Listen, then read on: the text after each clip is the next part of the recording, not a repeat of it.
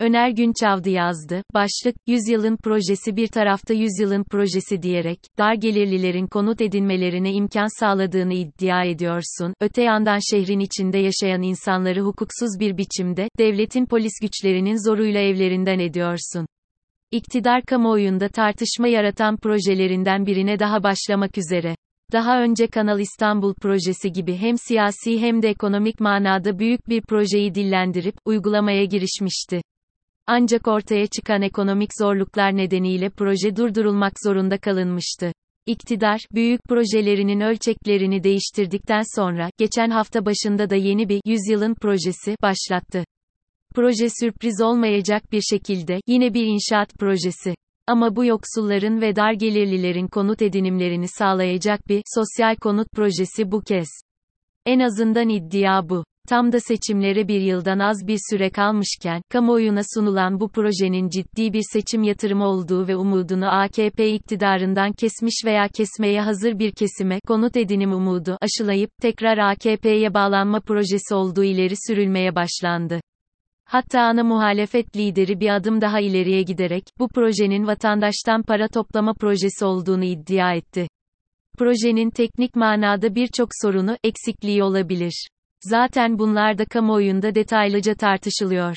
Ama bir iki iktisadi nokta var ki, bunların kapsamlı bir şekilde ele alınıp, kamuoyunun dikkatinin çekilmesine ihtiyaç var. Proje, Türkiye ekonomisinde karşılaştığımız önemli sorunlardan birine, barınma problemine, çözüm getirmeye ve bu amaçla dar gelirli kesimleri konut edinmelerini kolaylaştırmayı amaçlayan iddialı bir sosyal hizmet projesi olarak sunulmaktadır.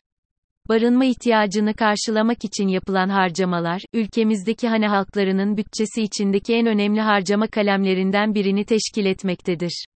Ülkemizdeki enflasyon sepeti içinde konut harcamaları, gıda ve ulaşımın ardından üçüncü en büyük harcama kalemini oluşturmakta ve bütçenin %14 ila 15'i gibi bir kısmını teşkil etmektedir.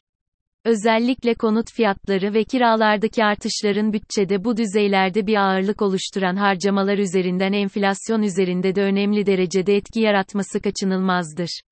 Ülkemizde enflasyon en önemli ekonomik problemlerden biridir ve ana akım bakış açısına göre enflasyon parasal bir konudur.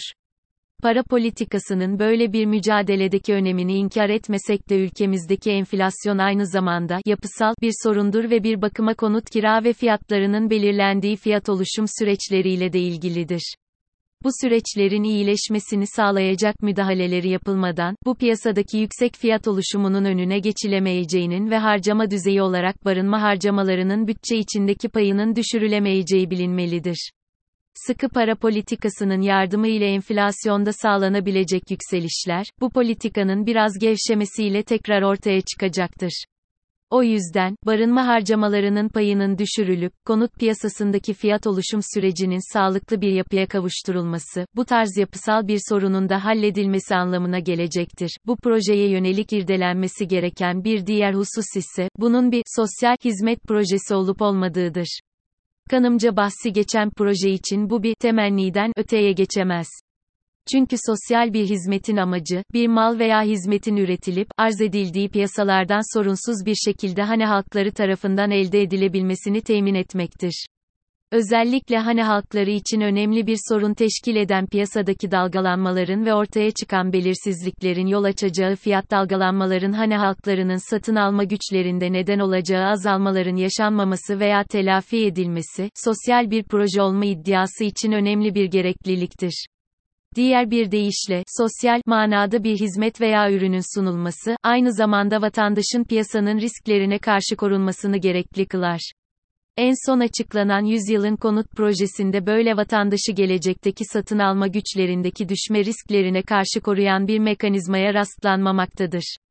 Aksine Sayın Çevre ve Şehircilik Bakanımızın söylediği gibi, vatandaşlarımızın ödeme güçlüğüne düşmesi durumunda eşten dosttan borç alması ve veya mesai yaparak ek gelir elde etmesi öneriliyor. Yani olası piyasa risklerinin devlet yerine, yine hani halklarının kendi buldukları çözümlerle giderilmesi öneriliyor. Nokta. Zaten bu bakış açısı bile başlı başına bu projede herhangi bir sosyal amacın güdülmediğinin göstergesidir.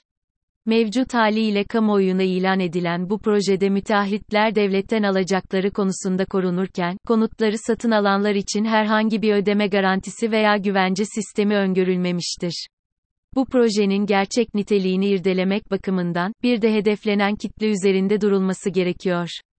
Bu bağlamda iktidar temsilcilerinin ne dediklerinin bir önemi yok. Zira dedikleri gibi düşük gelirli hanelerin konut edinimini sağlayacak bir gelir güvence sistemi oluşturulmuş değil öncelikle. Mevcut haliyle bu proje, öngörülen ödeme takvimine uygun ödemelerini aksatmadan yapabilecek bir kitleyi hedeflenmiş durumda.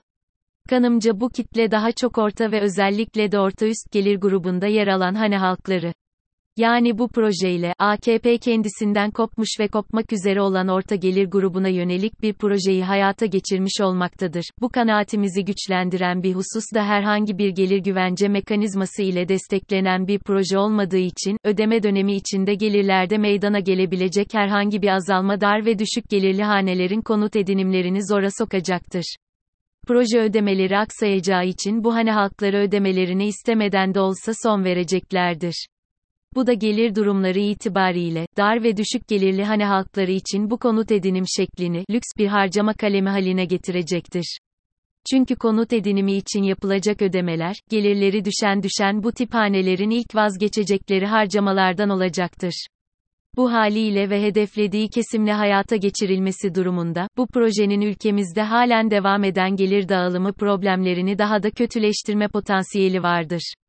Zira 2020 TÜİK Gelir Yaşam Koşulları Araştırmasının sonuçlarına göre, gayrimenkul gelirleri ülkemizde gelir dağılımında adaletini bozan önemli bir faktör olarak ortaya çıkmıştır. Özellikle gayrimenkul gelirlerinin İstanbul gibi çok büyük bir şehirde gelir dağılımını bozucu etkisi diğer bölgelere göre çok daha büyüktür. Bu yüzden, bu proje yardımıyla kimlerin, nasıl konut sahibi olduğunun takip edilmesinde yarar olacaktır. Bu eleştirilerimizin ardından, ülkemizde kronik bir hal alan barınma ihtiyacının giderilmesi ve bu yönde yapılan harcamaların hani halkının bütçesindeki payının azaltılabilmesi için ne yapılması gerekmektedir? Bu sorunun cevabı gayrimenkul sektörüne yönelik kaleme alınabilecek belki başka bir yazıda ele alınabilir. Ama ondan önce, bu sektör için önem arz eden bir iki hususa değinmeden geçmek haksızlık olur. Bunlardan birincisi ülkemiz gibi, mali piyasalarının yeterince gelişmediği ülkelerde, gayrimenkulün, finansal bir yatırım aracı olarak kabul görmesidir derinliği olmayan, enflasyon sorununu halledememiş ve faizleri baskı altında tutan bir ülkede gayrimenkul sahipliliği, özellikle tasarrufların ve servetin enflasyona karşı korunabilmesinin etkin bir yolu haline gelmiştir. Dolayısıyla gayrimenkul sahipliliği ülkemizde bir servet biriktirme yoludur ve bu fonksiyonel anlamı gayrimenkul piyasasındaki fiyat oluşumu üzerinde etkili olmaktadır. Özellikle faizlerin enflasyona karşı yeterli bir koruma oluşturamadığı durumlarda, gayrimenkule yöneliş artmakta, o da fiyatların, ülkedeki satın alma gücüyle orantısız bir şekilde yükselmesine yol açmaktadır. Dolayısıyla mevcut projenin konut piyasasındaki bu davranışı ve sonucunda oluşan fiyat dinamiğini kırmaya yönelik de bir etkisi yoktur. Günümüzde ülkemizdeki gayrimenkul sektöründeki hakim bir davranış şekli de fiyatlandırmanın geçmişte olduğundan çok daha fazla döviz kuruna bağımlı hale gelmesidir. Özellikle son yıllarda, gayrimenkulün finansal bir araç olarak düşünmenin yanında, ülkeye döviz geliri sağlamanın da aracı haline getirilmiştir. Buna göre, yabancıların taleplerini karşılamaya yönelik projeler üzerinden vatandaşlık verilmesi nedeniyle gayrimenkul fiyatları geçmişte olmadığı kadar döviz kuruna bağımlı hale getirilmiştir. Dolayısıyla kurların sürekli yukarıya gitmesi, yine ülkedeki satın alma gücüyle orantısız bir şekilde konut fiyatlarının da yükselmesine yol açmaktadır. Bu şekilde barınma sorunumuz giderek daha çok ülkedeki gelirler politikasının türevi olan bir sorunu haline gelmektedir. Son olarak değinmeden edemeyeceğim bir çelişkiyi ve ikiyüzlülüğü de kamuoyunun dikkatine getirmeyi istiyorum. Nokta. Son zamanlar İstanbul'un birçok semtinde, kentsel dönüşüm adı altında konut projeleri hayata geçiriliyor ve o semtlerin yerel halkı yerlerinden edilmeye çalışılıyor. Mahkeme kararları görmezden gelinerek ve devletin resmi polis gücü kullanılarak, yapılan hukuksuzluğa vatandaşın rıza göstermesi isteniyor.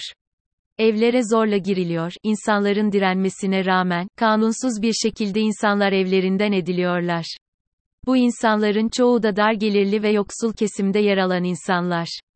Bu insanların evlerinin bulunduğu yerlere lüks konutlar inşa edilerek, üst gelir gruplarının ve veya yabancıların satın alabileceği konutlar inşa edilmek isteniyor. İşte çelişki de burada başlıyor. Bir tarafta yüzyılın projesi diyerek, dar gelirlilerin konut edinmelerine imkan sağladığını iddia ediyorsun, öte yandan şehrin içinde yaşayan insanları hukuksuz bir biçimde, devletin polis güçlerinin zoruyla evlerinden ediyorsun. Bunu da, yüzyılın projesini, değerlendirirken, kamuoyunun dikkatine sunmak isterim.